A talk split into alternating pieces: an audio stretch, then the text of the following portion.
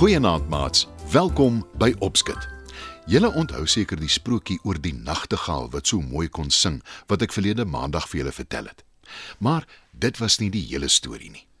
Julle het gehoor hoe die keiser van China lank lank gelede te hore gekom het van 'n nagtegaal wat in die woud langs sy pragtige tuin bly. En dat hy die nagtegaal na sy paleis toe laat kom het om vir hom te sing. Die keiser was so meegevoer deur die nagtegaal se pragtige lied dat hy haar in 'n goue kou laat sit het sodat sy altyd vir hom kon sing.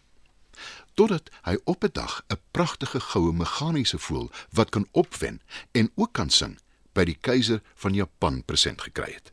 En toe vergeet hy heeltemal van die regte klein grys nagtegaal in die goue kou en hy luister net na die goue voël. Skyf nader vir die res van die storie. Die goue voël wat met edelstene versier is, kry 'n ereplek op 'n sykussing langs die keiser se bed. En hy luister dag en nag na die voël se lied. Die klein grys nagtegaal is heeltemal vergete.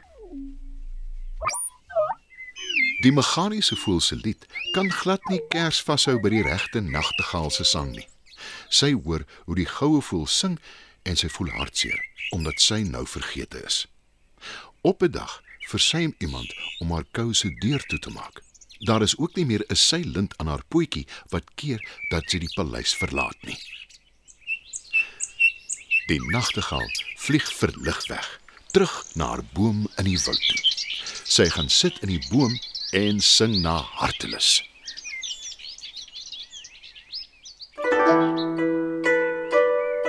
Toe die keiser agterkom dat die nagtegaal weggevlieg het, sê hy woedend. Ondankbare voël. Sy word dan verban uit my koninkryk. Die nuwe meganiese nagtegaal word geparadeer voor die keiser se onderdane. Almal is beïndruk. Almal behalwe 'n visserman. Nee, wat? Die goue voël klink nie nas en by so pragtig soos die regte nagtegaal nie. sê hy sag vir homself. Maar hy waag nie om die woorde aan ander te herhaal nie, want die keiser het intussen sy musiekmeester opdrag gegee om woorde te skryf vir die goue voël se lied. En elkeen in die koninkryk word gedwing om die woorde te leer en te sing. Nie een inwoner waag dit om te erken dat dit nie vir hulle mooi is nie. Daarvoor is hulle te bang hulle maak die keiser kwaad. Van hulle hoor nog soms die regte nagtegaal in haar boom sing, maar hulle rep nie 'n woord daarvan nie, want sy is verban uit die koninkryk. Maar toe, een aand, terwyl die keiser na die goue meganiese voël se lied luister, gebeur daar iets wat hom baie ontstel. Die pragtige goue voël hou op sing, of liewer die meganiese voël se vals lied hou skielik op. Ag nee, dit kan nie wees nie. Wat is dan nou verkeerd? roep die keiser ontsteld. Hy laat die man kom wat altyd sy horlosies en klokke instel en regmaak en hy sê: Maak dadelik my pragtige goue voël reg. Ek wil weer na haar luister. Die man haal die meganiese voël uitmekaar en bekyk al die onderdele. Toe sê hy vir die keiser: Ek is bevrees die onderdele is heeltemal gesluit. Die deentjie sal nooit weer kan speel nie. Die keiser is ontroosbaar. Hy stuur die man weg en sit hartseer na die oorblyfsels van die goue voël instaar. Toe pak hy dit terug in die kussie waarin hy die goue voël ontvang het en bêre dit in 'n kas. Die keiser gaan lê op sy bed en staar voor hom uit. Hy wil met niemand praat nie. Hy wil niks eet nie. Al wat hy doen is treur. Niemand in die koninkryk sien meer hulle keiser nie en hulle begin baie bekommerd raak oor hom. Ek wonder of die keiser ooit nog lewe. sê een van die inwoners op 'n dag vir haar vriendin. Ek ook. Niemand sien hom ooit meer nie. Antwoord haar vriendin. Die keiser se gesant hoor dit en hy sê: Natuurlik lewe ons keiser nog. Maar toe hulle hom vra waar die keiser dan is en wat hy doen, antwoord die gesant hulle nie. Hy draai net om en loop weg.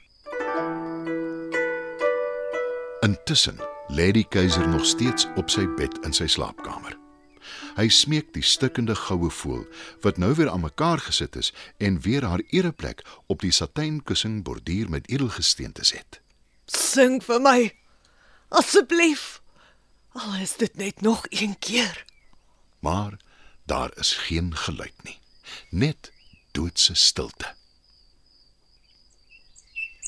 Maar toe, skielik, verhelder die keiser se gesig, want hy hoor die pragtige lied van die klein grys nagtegaal deur sy kamervenster. Hy kyk op en hy sien haar op die vensterbank sit en sing. Hoekom is jy hier? Ek het jou baie sleg behandel. Ek het jou selfs uit my koninkryk verban. sê die keiser vir die nagtegaal. Ek het gehoor jy's hartseer. Ek is hier om jou op te beer. Antwoord die nagtegaal en sy sing verder. Dis naderhand laat en die son begin sak, maar die keiser pleit by die klein grys voël om aan te hou sing. En hy vra haar ook om weer in die paleis te kom bly, Ek sal jou ryklik beloon om op te maak vir wat ek aan jou gedoen het. sê die keiser. Jy het my reeds beloon. Ek sal nooit die trane van vreugde vergeet wat oor jou wange gerol het die eerste keer toe jy my hoor sing het nie. Antwoord die nagtegaal. Maar dis amper donker en ek moet huis toe gaan. En ek gaan beslis nie weer hier in die paleis in 'n kou bly nie. sê sy.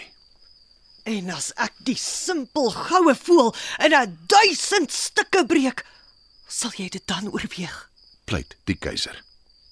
Die nagtegaal sing vir oulaas vir hom.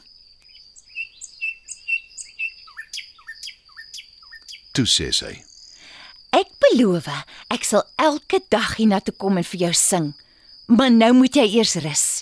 Die nagtegaal vlieg na haar huis toe en die keiser slaap vir die eerste keer in 'n lang ruk rustig.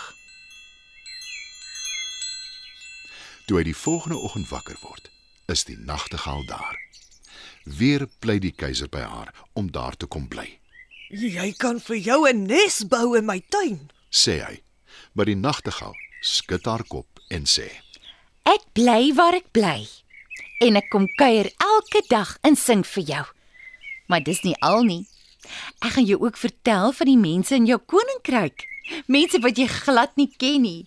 Mense wat ook soms hartseer is. Nes jy. Ek gaan jou vertel van die visserman en van die diensmeisie wat in die kombuis werk en nog vele meer op een voorwaarde. Enige iets. Sê net wat jy wil hê en jy kry dit. Antwoord die keiser. Jy mag vir niemand vertel nie. Antwoord die nagtegaal. En die keiser beloof haar dis hulle geheim. Toe sy gesant kom kyk hoe dit met hom gaan, glimlag die keiser breed en sê: Baie goed. Dankie. Die gesant is verbaas oor die keiser se skielike ommekeer. Maar hy vra nie uit nie. Hy is net bly. Hulle heerser is weer sy ou self, wat ook al die rede mag wees.